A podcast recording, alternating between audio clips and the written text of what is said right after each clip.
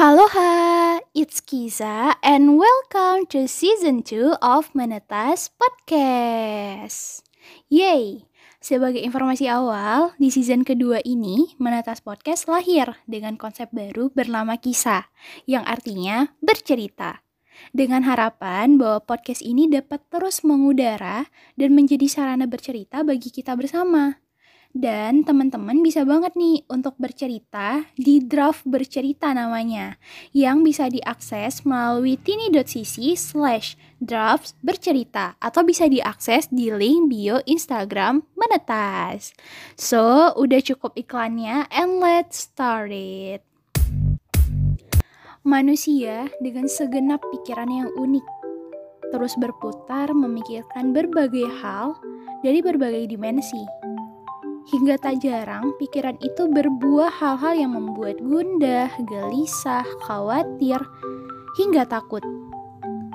Sama dengan kebiasaan kita semua, yang lebih sering fokus pada kekurangan dan melupakan kelebihan atau potensi diri.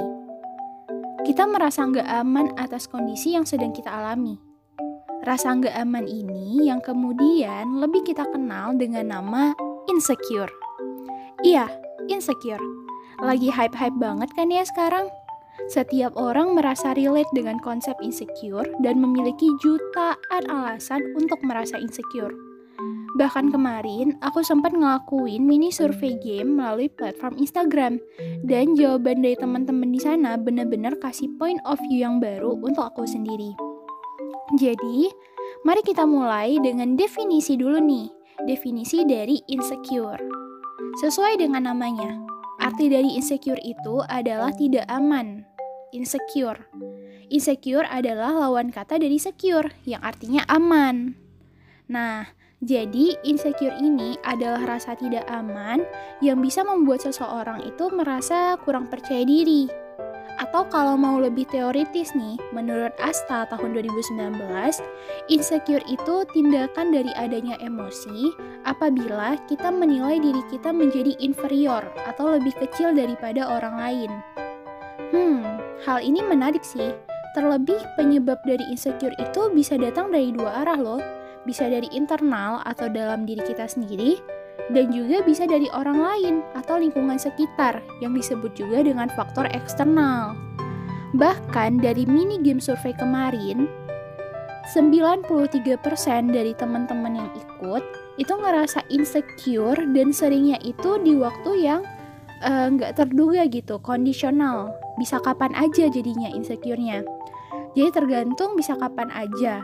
Dan untuk hal-hal yang di insecurein pun lebih menarik lagi beragam banget.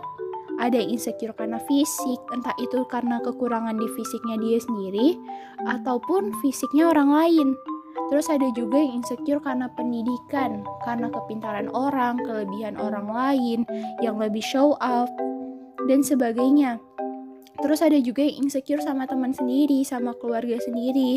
Sebenarnya lebih ke kelebihan-kelebihan teman sama keluarganya. Terus ada juga insecure karena prestasi, capaian seseorang, dan ada juga yang insecure ketika dia merasa takut untuk maju di depan umum, dia merasa gak pantas untuk maju ke depan berbicara di depan orang banyak. Bahkan ada yang insecure sama random things gitu, jadi bisa apa aja tiba-tiba dia insecure. Nah, dari keberagaman ini, cara mengatasinya mereka juga gak kalah beragam dari yang simple sampai yang perlu penghayatan pun ada. Jadi ada yang bilang mereka tuh cukup ngatasin insecure-nya dengan go sleep and eat. Jadi cuma kayak tidur sama makan doang.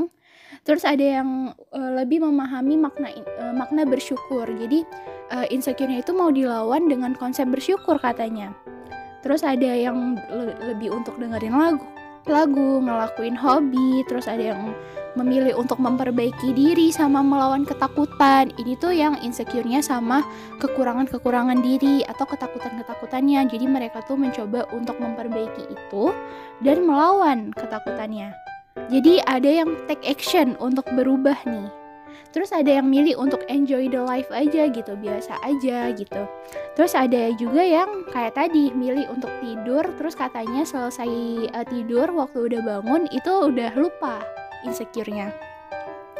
Nah, Dari berbagai jawaban teman-teman itu, ada beberapa kalimat nih yang menurut aku kayaknya penting deh untuk dibacain. Yaitu, jangan pernah berprasangka kalau orang-orang membicarakan hal buruk tentang dirimu, because we don't know what people say about ourselves. Dan jangan sesekali untuk mencari tahu. Biarin mereka dan Tuhan mereka yang tahu apa yang mereka pikirkan tentang kita. Stay positive. Nah, itu tuh salah satu jawaban atau kata-kata dari teman aku di Instagram yang ikutan mini game survei kemarin. Yang semoga kata-kata tersebut bisa menjadi refleksi nih bagi diri kita sendiri terkait insecure. Karena kadang tuh kita tuh e, ngerasa nggak sih kita terlalu kepo tentang pandangan orang terhadap diri kita. Eh, ketika kita udah tahu nih, kita malah merasa feel bad inside gitu kayak nggak suka atau malah lebih insecure ketika kita tahu. Nah, jadi tipsnya adalah untuk nggak cari tahu gitu fokus aja ke diri sendiri fokus untuk positif stay positif dan biarin uh, apa yang orang pikirkan itu menjadi urusan orang lain jadi ibaratnya kayak fokus ke uh, ruang kontrol masing-masing gitu dan di sini aku juga mau ucapin nih, makasih ke teman-teman semua yang udah ikutin mini game survei kemarin. Dan terus ikutin ya mini game survei ke depannya. Eits, tapi episode ini belum berakhir kok, karena bakal ada sesi selanjutnya yang membawa kita terbang ke Padang, menyapa teman kita yaitu Farha. Halo Farha. Halo ah, dan pastinya halo teman-teman kisah semua. Kenalin, aku Farha, dan di sesi ini aku mau bahas tentang efek lebih jauh dari insecure ini. Nah, kita sama-sama sadar ya, kalau insecure itu ngebuat kepercayaan diri kita turun hingga ngebandingin diri kita sendiri dengan orang lain. Entah orang yang udah kita kenal atau bahkan belum sama sekali. Kita seakan-akan ada dalam kompetisi, Padahal sebenarnya kita bisa lebih memaknai kehidupan dengan lebih enjoy. Nah, tahu nggak sih dari rasa kepercayaan diri kita yang menurun karena insecure, selanjutnya kita bakal menghambat diri kita sendiri.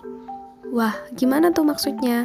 Iya, kita jadi nggak percaya diri untuk mencoba berbagai hal dan peluang yang ada, sehingga kita terhambat untuk maju dan pastinya terhalang untuk ngembangin potensi dari diri kita Bahaya banget kan ya, padahal di umur kita yang segini, kita pastinya tuh lagi pengen-pengennya nih mengeksplor banyak hal.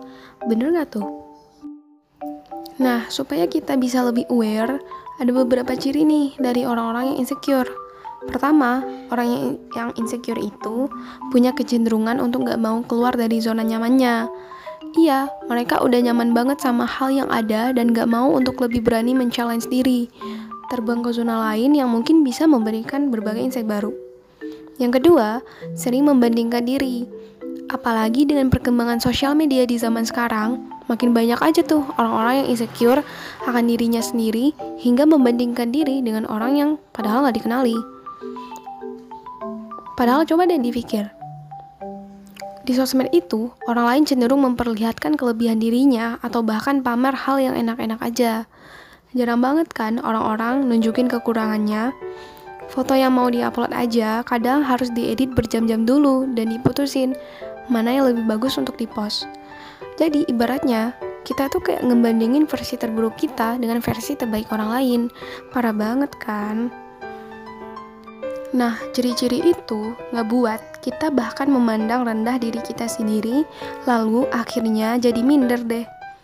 Duh, nggak banget kan ya? Let's appreciate more ourselves, guys. Sama halnya kekurangan, kita kan juga punya kelebihan. Bahkan satu kelebihan kita itu sebenarnya bisa menutupi 100 kekurangan yang kita punya dan di setiap kekurangan pasti ada aja solusi untuk mengatasinya. Nah, di episode kali ini, kami juga bakal membagi nih tips-tips yang bisa kita coba terapin bersama untuk mengatasi si insecure ini. Langsung aja kita terbang ke Lampung bersama Funun. Halo Funun. Halo Far. Wah, apa kabarnya nih teman-teman? Semoga kita semua berada dalam keadaan sehat dan baik ya. Yaps, benar banget. Setelah kita tahu insecure itu apa dan ciri-cirinya bagaimana, Gak lengkap nih kalau kita nggak bahas tips alias cara mengatasinya. Supaya kita makin percaya diri dan bisa untuk maju menggapai impian. pertama adalah stay positive. Ayo kita mulai untuk membangun pola pikir yang positif akan setiap masalah atau hal yang datang di kehidupan kita. Intinya sih, kita optimis sama kehidupan and face it positively.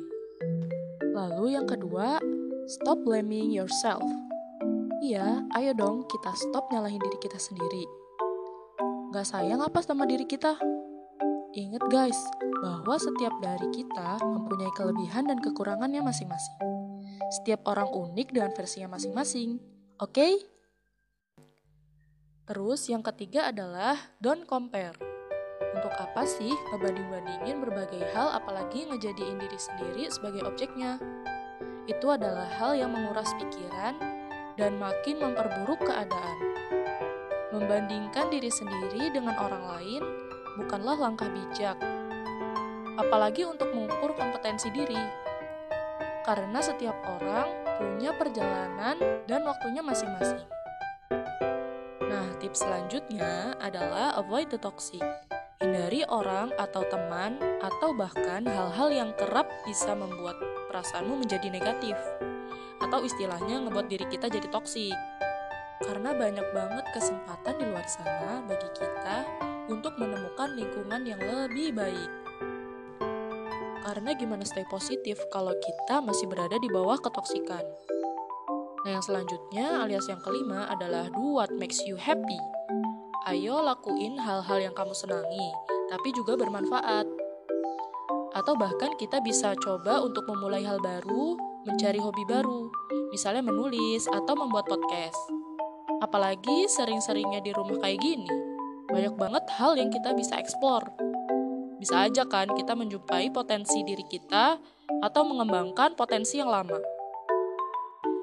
And last but not least, yang terakhir atau yang keenam, keep healthy and well-being.